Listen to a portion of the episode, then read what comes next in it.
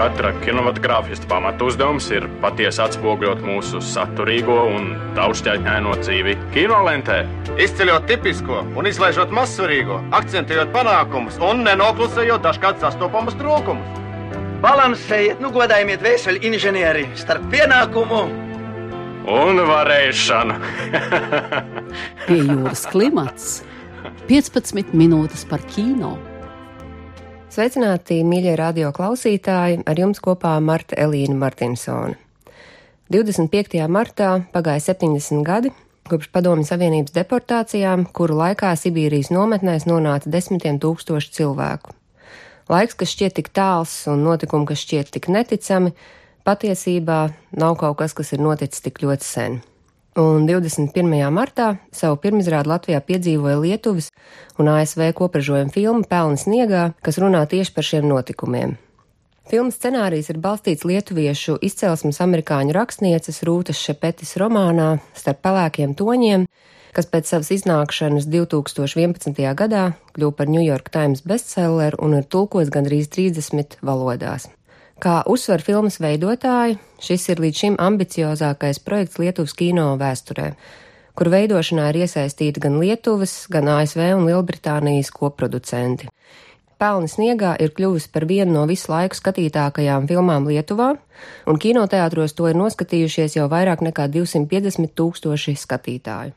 Filmā piedalās starptautiska aktieru komanda, un tās režisors ir lietuviešu izcelsmes amerikānis Marijus Markevičijus. Kā režisoram viņam šī ir pirmā filmas spēļu filma, jo līdz šim Markevičs lielākoties ir darbojies kā filmu producents. Visi filmas veidotāji publiskajos izteikumos akcentē to, ka vēlējās izstāstīt šo stāstu un tādējādi izglītot savus skatītājus par viņiem nezināmu vēstures posmu.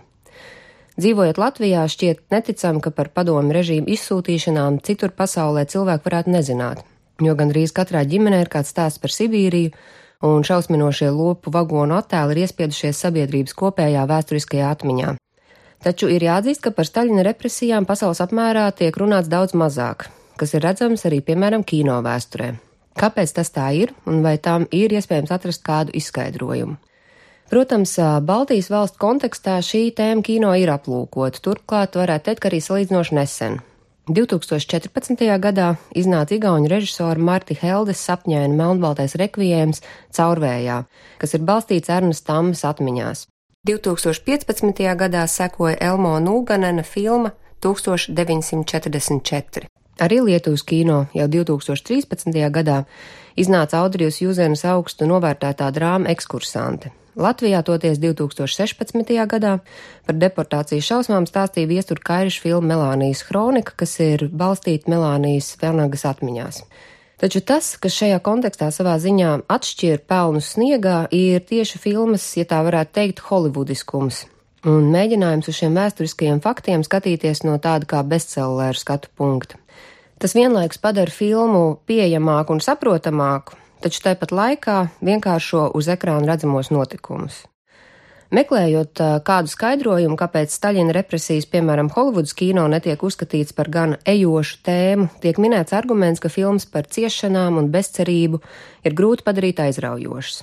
Taču tāpat laikā filmas par dažni dažādām ar Otro pasaules karu saistītām tēmām ir arī guvušas fenomenāls panākumus. Piemēram, Terence Malika šaurā sartā līnija, Roberto Benīnī dzīve ir skaista, Stīvens Spilberga Šindlera saraksts un glābjot ierindnieku Rājenu, un arī vēl daudzas citas. Tāpēc ir jāatzīst, ka šī problēma ir daudz komplicētāka. Piemēram, ir jāņem vērā tas, ka Staļina kā vēsturiskas figūras un lielā tēvijas kara varoņa status mūsdienu Krievijā tikai nostiprinās. 2008. gadā veiktā sabiedrības aptauja liecina, ka 47% Krievijas iedzīvotāju Staļinu uzskata par pozitīvu tēlu, un tikai 29% par negatīvu. Turklāt jāatzīst, ka Holivudē ar marksismu idejām vienmēr ir bijušas visai sarežģītas attiecības, kā arī bieži vien šīs attiecības ir bijušas pat pārāk tuvas. Pie jūras klimats 15 minūtes par kino. Pagājušā gadsimta 40. gados ASV plaši izplatījās bailes no PSRS un komunistu nestajām tā saucamajām sarkanajām briesmām jo jau lielās depresijas laikā ASV arvien populārāks kļuva marksismu idejas, un tās savaldzināja arī daļu Holivudas mākslinieku. Rodoties aizdomām, ka Holivudā ir iefiltrējušies tā saucamie komunistu spiegi, kas ar kino palīdzību veids propagandu, tika uzsākt histēriska izmeklēšana. 1947. gada 19. septembrī tika publicēts saraksts ar dažādiem Holivudas darboņiem, kuriem nāksies liecināt par baumām, kas saistās tieši ar šo plašo komunistu ietekmi ASV kino industrijā. Šajā liecinieku sarakstā atrodam arī tādi slaveni vārdi kā Bertolds Brehts, Gerijs Kūpers, Čārlijs Čaplins, Ronalds Reigans un Volts Disnejs. Piemēram, Kūpers un Disnejs esot bijuši atvērti sadarbībai, kamēr citā teicās sadarboties ar viņa prāt antikonstitucionālo izmeklēšanu. Šādi radās tā saucamais Holivudas desmitnieks. 25. novembrī šajā melnajā sarakstā tika iekļauti desmit industrijas profesionāļi, kuri kategoriski atteicās ar izmeklētājiem sadarboties. Liela daļa tika izstumta no Holivudas darba vides, nonāca apcietinājumā, bet daļa turpināja strādāt, izmantojot pseidonīmus. Piemēram, scenārists Daltons Trembo pēc cietumsoda izciešanas devās uz Meksiku, kur turpināja rakstīt scenārijus, izmantojot vai nu svešu vārdu, vai pieaicinot kādu citu scenāristu kā aizsegu. Piemēram, Trembo savā melnā saraksta laikā uztapināja slavenās filmas Romas brīvdienas scenāriju. Tagad paklausīsimies fragmentu no aktiera Gerija Kūpera nopratināšanas. Ever observed any communistic information in any scripts. Vai jūs jebkad esat ievērojis komunistisku informāciju scenārijos? Well, Es esmu atteicies no diezgan daudz scenārijiem, jo man ir šķitis, ka tajos ir jūtams komunistisks idejas. Es domāju, ka viņi nav mani mēģinājuši izmantot, jo viņi zina, ka es neizjūtu nekādas simpātijas pret komunismu. Šo baiļu un raganu medību laiku Holivuda atceras kā biedinājumu par to, ko valstiska cenzūra var nodarīt mākslē, un daļai šim Holivudas desmitniekam ir piešķīrusi par tādu kā mocekļu statusu. Tāpat laikā, piemēram, Keneta Lloyda Billingslī grāmata Holivudas partija, kā komunisms pavedināja Amerikas filmu industriju 1930. un 40. gados, mēģina paskatīties šiem notikumiem no otras puses, uzsverot, ka komunismu ietekme Holivudā tiešām bijusi jūtama un arī ietekmē radītā kino ideoloģisko toni. Billingslīs cenšas atmaskot Holivudas komunistiski noskaņoto darbinieku liekulību. Bagātnieku runā par nevienlīdzības un nabadzības problēmām no savas privileģētās pozīcijas.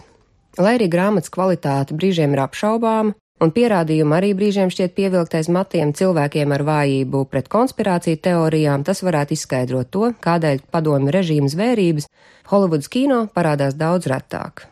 Turklāt mūsdienu apstākļos par komunismu ideju un Krievijas nezūdošo ietekmi rietumos, kā arī tās veikto maigo propagandu jau tiek runāts gana daudz. Piemēram, ilgu tramvaju režisora Elijas Kazana liecība pret kolēģiem ar kreisiem un pārlieku komunistiskiem uzskatiem pārtrauc viņa draudzību ar slaveno dramaturgu Artūru Milleru. Kad Millers dzirdēja Kazana ieliecināšanas ierakstu, viņš ķērās pie Salemas raganu rakstīšanas. Makārtismu paniskajā komunistu izmeklēšanas ārprātā arī pats dramaturgs tika aizturēts aizdomās par pārlieku kreisiem uzskatiem, un viņam netika izdota pasa, lai apmeklētu savas lūgas pirmizrādi Londonā 1954. gadā. Artūrs Millers arī tika nopratināts par saviem politiskajiem uzskatiem, un 1957. gadā viņam tika piespriezt cietumsots. Dramaturgs tika ielikts melnajā sarakstā, un viņam tika atņemta ASV pase. Tiesa jau nākamajā gadā viņa spriedumu pārsūdzēja, un Millers tika attaisnots. Turklāt 1964. gadā viņš atkal uzsāka radošu sadarbību ar savu bijušo draugu Eliju Kazanu. Interesanti, ka Millera simpātijas pret komunistiem nekādi nerosināja viņa popularitāti Padomju Savienībā. 1969. gadā viņa darba Padomju Savienībā tika aizliegt, jo dramaturgs izteica savu atbalstu disidentu rakstniekiem. Pie jūras klimats 15 minūtes par kino. Lai vai kādi būtu iemesli, ir skaidrs, ka Staļina režīma atstātās sekas un traumas vissvarīgākās ir tām valstīm, kas no šī režīma ir cietušas. Nevelti Holivudā par to ir mēģinājuši runāt Somu izcelsmes režisors Kaspars Vrede, poļu izcelsmes režisora Agnieszka Holanda, kā arī krievu izcelsmes režisora Marina Goldovskaja. Tādējādi ir redzams, ka bieži vien noteicošais faktors ir personīgā piesaista tematikai, kas ir attiecināms arī uz pelniem sniegā. Grāmatas starp pelēkiem toņiem autore Rūta Šepetis stāst par to, kā apmeklējusi savus tuviniekus Lietuvā un vaicāt par citiem radiniekiem, uzzinājusi par izsūtīšanām, kas piemeklējusi arī viņas ģimeni. Līdz šim viņa par to neko nebija zinājusi.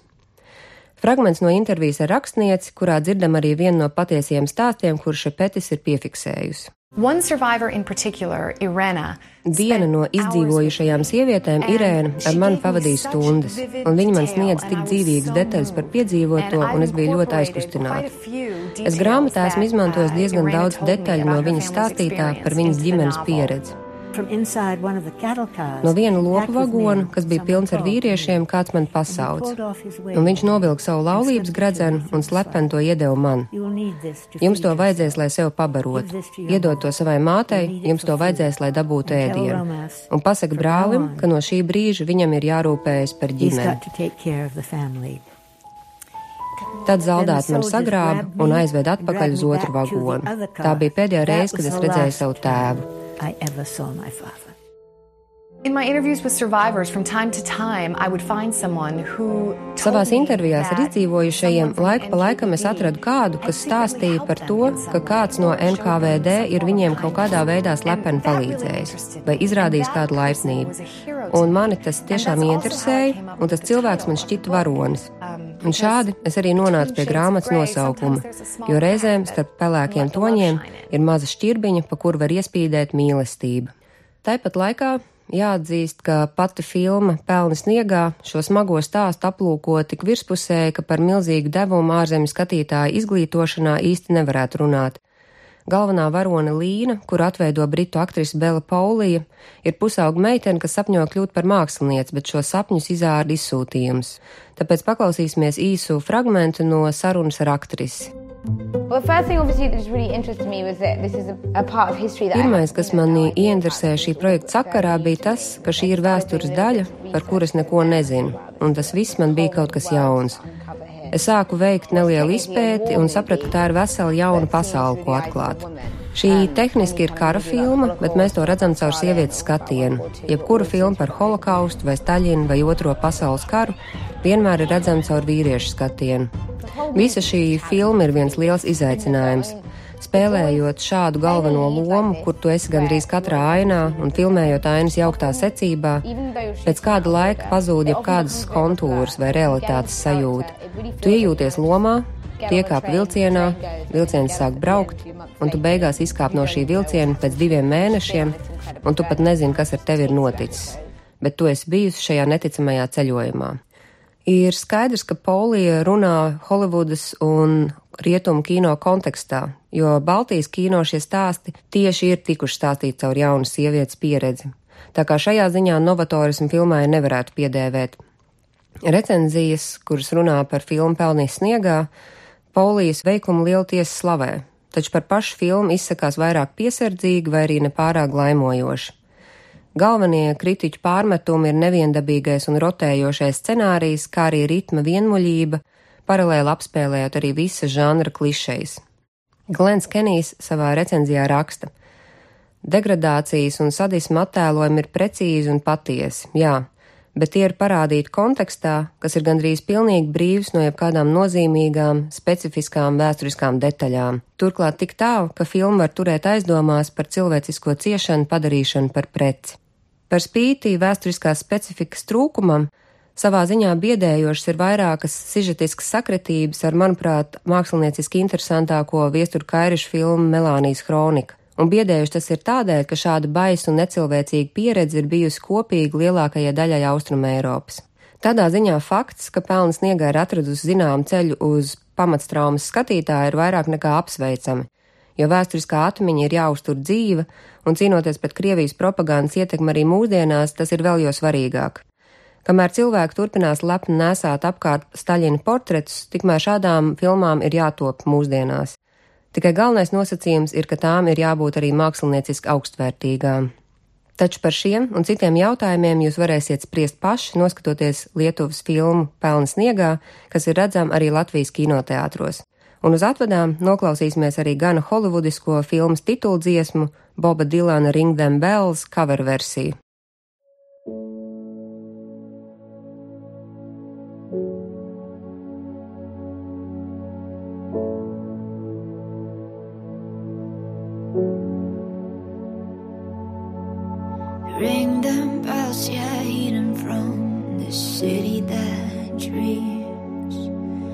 Ring them bells from the centuries, cross the valleys and streams.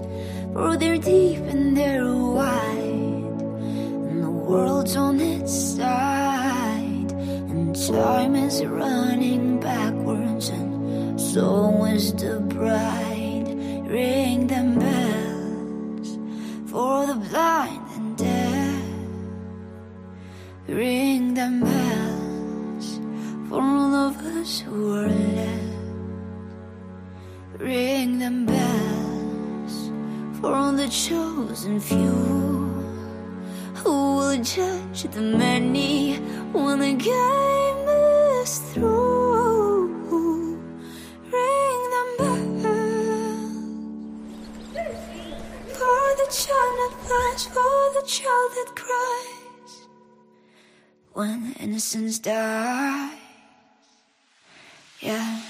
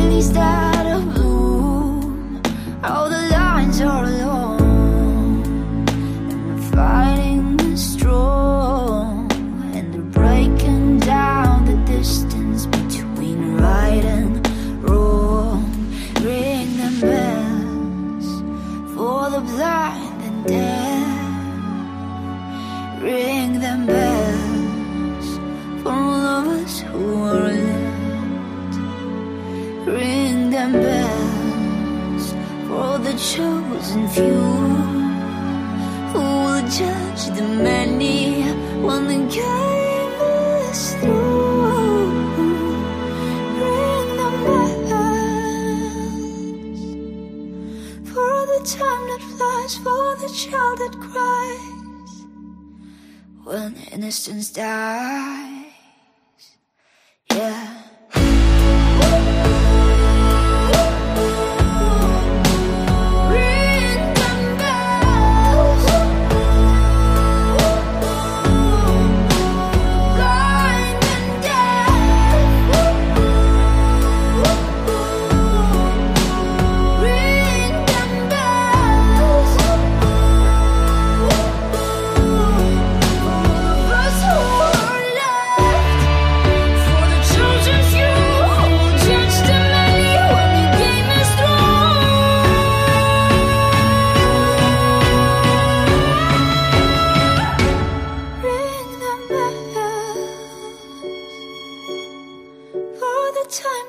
Flies, for the child that cries when innocence dies.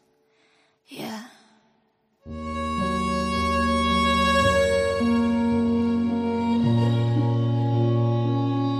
Raidījumu vadīja Martelīna Martinsone, raidījumu montēja Andra Černievska, raidījumu piejūras klimats producenta Inga Saksona. Raidījums tapis ar valsts kultūra kapitāla fonda finansiālu atbalstu.